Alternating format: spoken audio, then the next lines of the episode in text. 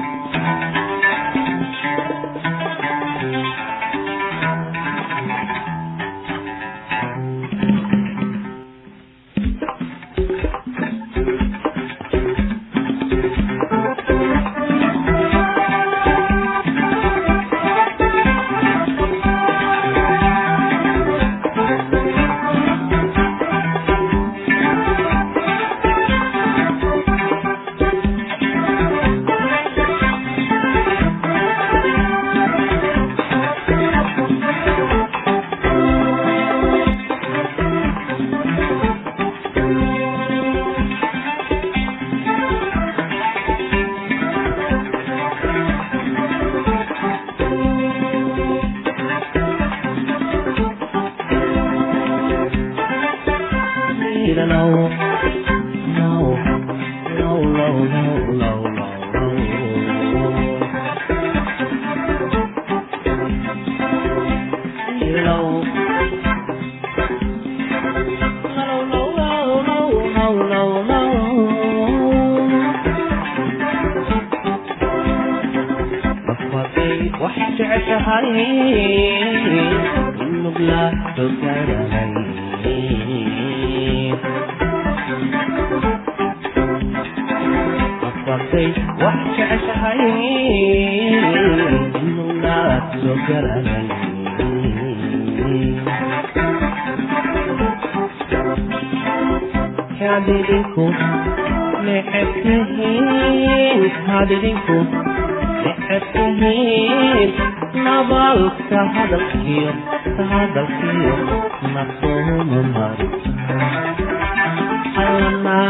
hadalka hadalkiyo hadalkiyo naartowma marta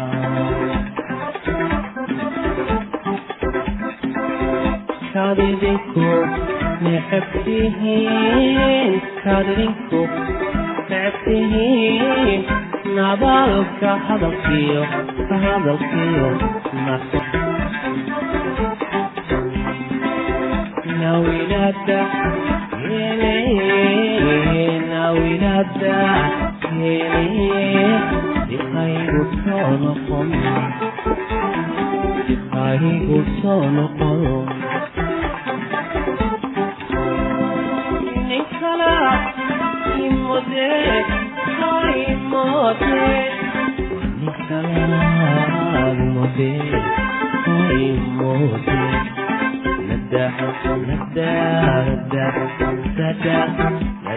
ಹೋಯ್ ನಮ್ಮ ಕಾಣಿವೆ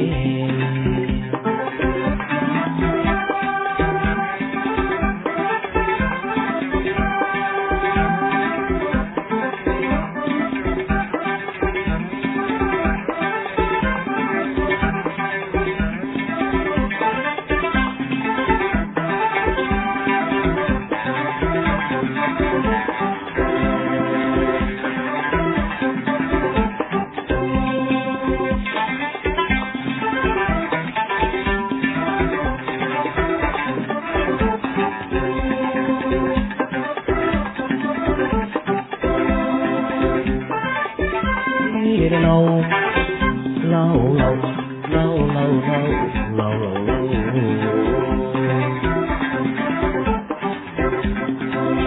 Need it low. Low, low, low, low, low, low.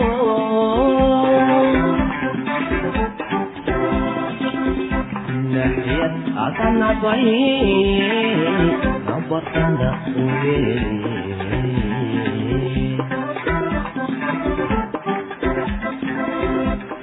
ayad adanabay nabatanawye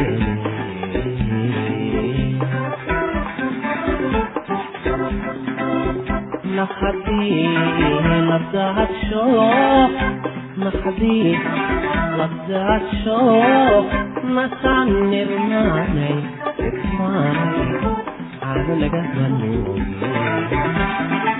وي نسعني رماني yasmaane aanu lagama guurin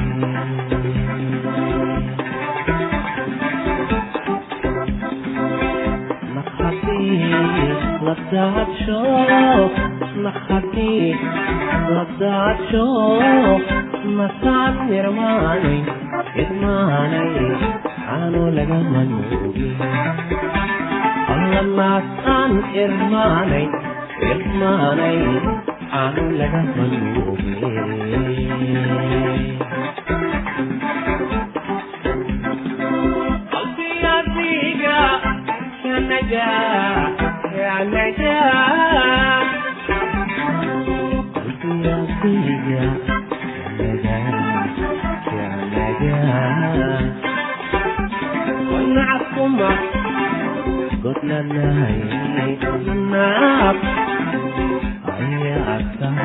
نعكما بطلنا هيك لنا حيا noolayso kaladaw noolayso kaladaw yelnaftu kamaran allanay naftu kamaran noolayso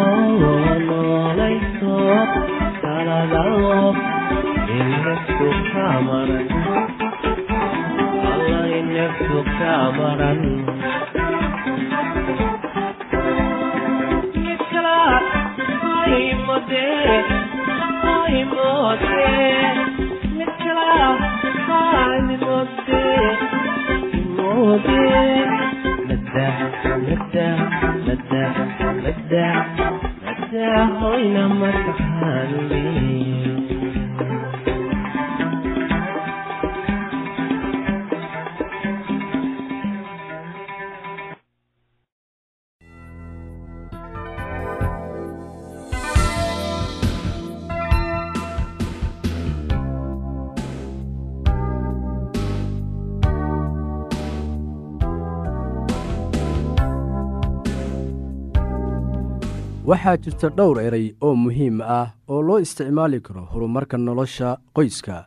Mid ka mid ah ereyadaasi waxaa la yidhaahdaa wadashaqayn ereyga meel walba ayaa lagu soo qaadaa halkaasoo ay wadashaqayn ku jirto sida isbitaallada warshadaha fasalada waxbarasho. Micno weyn ayuu leeyahay. Marka la eego macnaha qaamuuska wadashaqayn macnaheedu waxa weeye iscaawin la shaqayn caawi gacan qabasho u dabcin dhiirgelinta kanba kan kale midba midda kale inuu ku tiirsanaado. Kuwan waa erayo wanaagsan waxay ka dhigan tahay iyada oo wax la isla sameeyo wakhti la isla wada yeeshto si loo wada qaybsado fikradaha. Qorshaha uu mid waliba hayo waa sida iyada oo la isla wada shaqeeyo. Ereyga wada shaqayn waxa uu micno ahaan u dhow yahay ereyga ah isku xirnaansho midba uu midka kale ku xirnaado laakiin macnaha ugu weyn waxa uu yahay adiga oo kaafiya baahida qofka kale oo aadan u qaadan in iyada ama isaga uu bixiyo baahidaada ama waxa aad jeceshahay. Wadashaqayntu halkee bay ka bilaabataa se goormayse bilaabataa waxaan la yaabanahay waxa maskaxdaadu ku soo dhaca. Waxaanse la yaabanahay wax maskaxdaada ku soo dhacaya marka aad maqasho ereyga wadashaqayn ma maqalno wax badan oo ku saabsan wadashaqaynta marka aynu guriga joogno. Waa heerka qoyska ee halkaasna weeye halka ay wadashaqayntu ka bilaabato. Waxaa dhici karta inaad la yaabto yay ku bilaabanaysaa wadashaqaynta ma carruurta bilaabaysa mise dadka waaweyn yaa bilaabaya? Wadashaqayntu waxay ku bilaabataa ninka iyo naagta isla markaasi ay waajahayaan shaqada wada noolaanshaha naagta leh dareenka wadashaqaynta waxay garanaysaa baahida damaca iyo dareenka ninkeeda markuu isaga oo daalan guriga yimaado. Ninka sidoo kale waxa uu garanayaa damaca iyo dareenka naagtiisa waxuu iyada u yahay dhiirigelin. Maxaa kor u qaada ama kiciya wadashaqaynta jacaylka uu midba midka kale u qabo ayaa ah salka uu ka bilaabanayo wadashaqaynta laakiin waa nasiib daro in nimanku ay shaqada oo idil ku dhaafaan naagahooda naagta ayaa shaqada guriga oo dhan qabanaysa.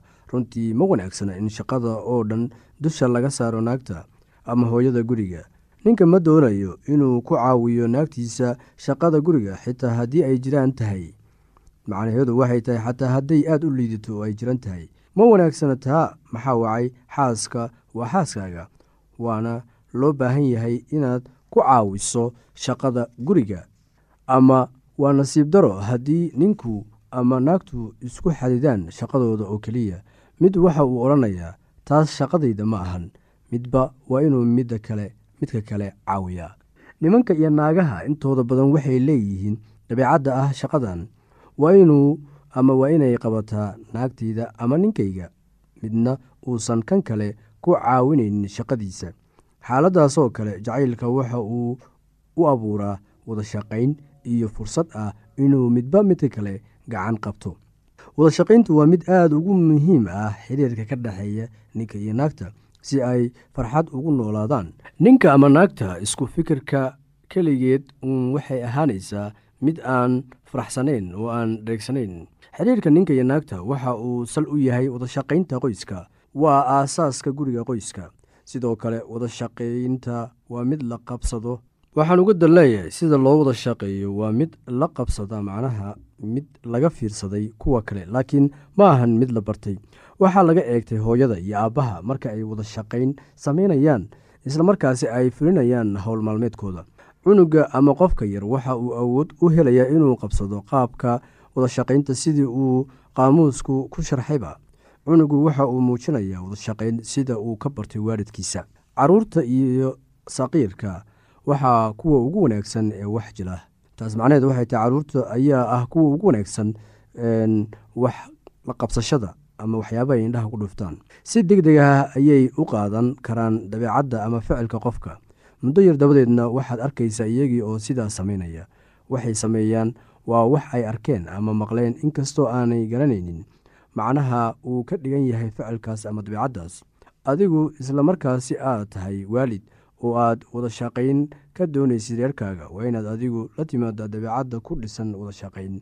Reerka adiga ayay wax kaa bartaan laakiin ma ahan waxaad afka ka sheegaysid.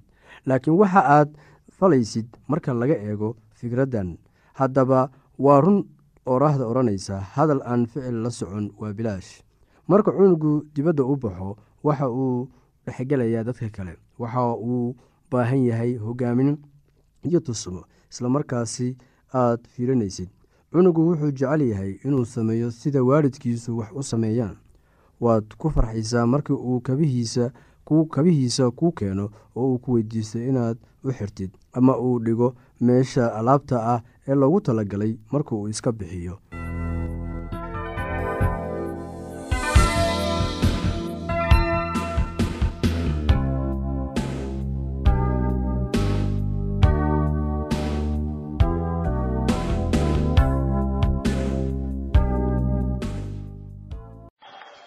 waayahay waa jango sacabkime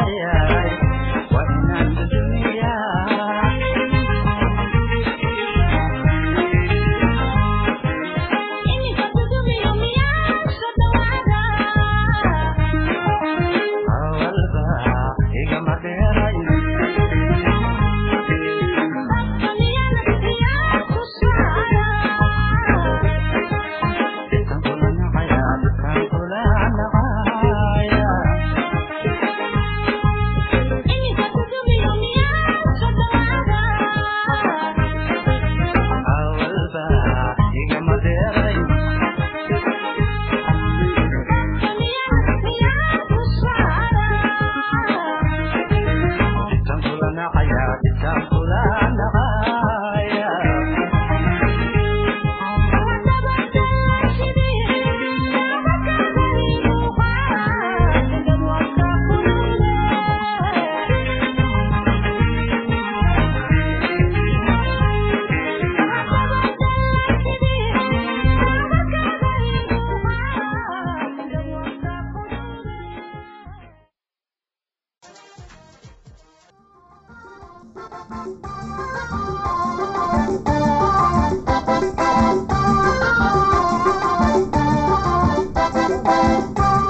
daweynta dhagaha.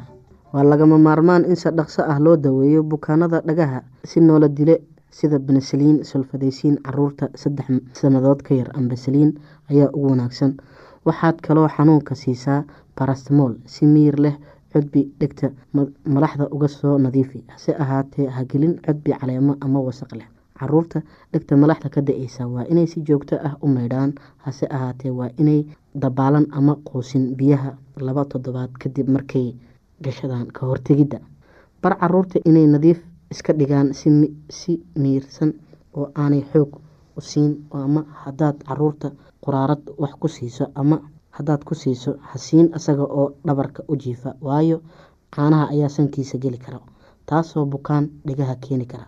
Marka carruurta sankoodu oodan yahay isticmaal dhibcaha milixda oo dabadeedna soo nuug duufka ilmaha sankiisa. Bukaanka gacanka dhegta sidaad u ogaato bal in gacanka ama dhuuntu tagayso ay bugto qun yar dhegta u soo jiid. Haddii tani xanuun keento gacanku waa bukaa dhibco qal iyo biyo ku dhibci dhegta. Saddex ilaa afar goor maalintii malqacad qal ah ku dar malqacad biyo la karkariyey haddii xumad ama malax jiraan. Isticmaal noola dile cuno xanuunka iyo xoqadaha. Dhibaatooyinka badan ee waxay ka bilaabmaan durayga waxaa laga yaabaa in cunaha cas yahay oo xanuun ilmaha marka uu doono inuu wax liqo xoqaduhu laab qanjidhkooda yaalla labada dhinac ee cunaha dabadiisa ayaa laga yaabaa inay bararaan oo xanuun kulaadaan ama malax ka soo dareerto. Xumadda waxay leedahay inay gaadho daweynta ku luqluqo biyo milix biyo milix leh oo diiran malqacad shaaha oo milix ah. Ku dar koob u qaado xanuunka brestmol haddii xanuunka iyo xumadda si kadis ay u yimaadaan socdaan ama ka badan saddex maalmood doono dhakhtar. Cuno xanuunka iyo khatarta. Xumadda rumatiga cuno xanuunka had iyo goor la socda durayga waa in noola dile loo isticmaalaa haddii la isticmaalona waxba kama taraan. Ku dawee luqluqooyinka asbriin hase ahaatee cayn ka mid ah cuno xanuunka oo la yiraahdo. Waa in lagu daweeyaa benesaliin waxaana aada ugu badan yahay carruurta iyo dhalinyarada sida caaliga ah. Si kaliis ah ayuu ugu bilaabmaa cuno xanuunka iyo xumad badan iyadoo calaamado durayga iyo qof lo socdaan xaggiisa dambe iyo xoqaduhu aada bay u casaadaan. Qanjirhka daanka ka soo hooseeya waxaa laga yaabaa in uu bararsan yahay danqan danqanayo si benesaliin toban maalmood hadiyo goor la siiyo benesaliin toban maalmood. Xumadda roomatigu markay timaado ayay yareysaa ilmaha. Cunaha sidan u buka streeb qaba waa in meel gooni ah wax ku cunaan oo seexdaan meel gooni ah. Caruurta si looga ilaaliyo inay iyaguna qaadaan. Xumadda roomatiga cudurkani carruurta iyo dhalinyarada ayuu ku dhacaa. Wuxuu bilaabaa hal toddobaad ilaa saddex toddobaad kadib markaa qofku ku dhacayo streb calaamadaha ugu waaweyn oo ah saddex ama afar calaamadood oo muuqda. Xumad xanuunka laabatooyinka ah gaar ahaan jiqirooyinka qofka iyo qufac qufacyada iyo saddexda laabatooyinka way bararaan oo ay kululaadaan oo ayna casaadaan. Xariijimo goolaaba ama meelo soo buuran oo diirka hoostiisa ah. Kuwa aada u xun waxaa jira itaal darro hinraag iyo wadno xanuun. Dhageystayaasheena qiimaha iyo qadarinta leh waxaa halkaa noogu dhammaaday barnaamijkii caafimaadka. Waa shiina oo idin leh caafimaad wacan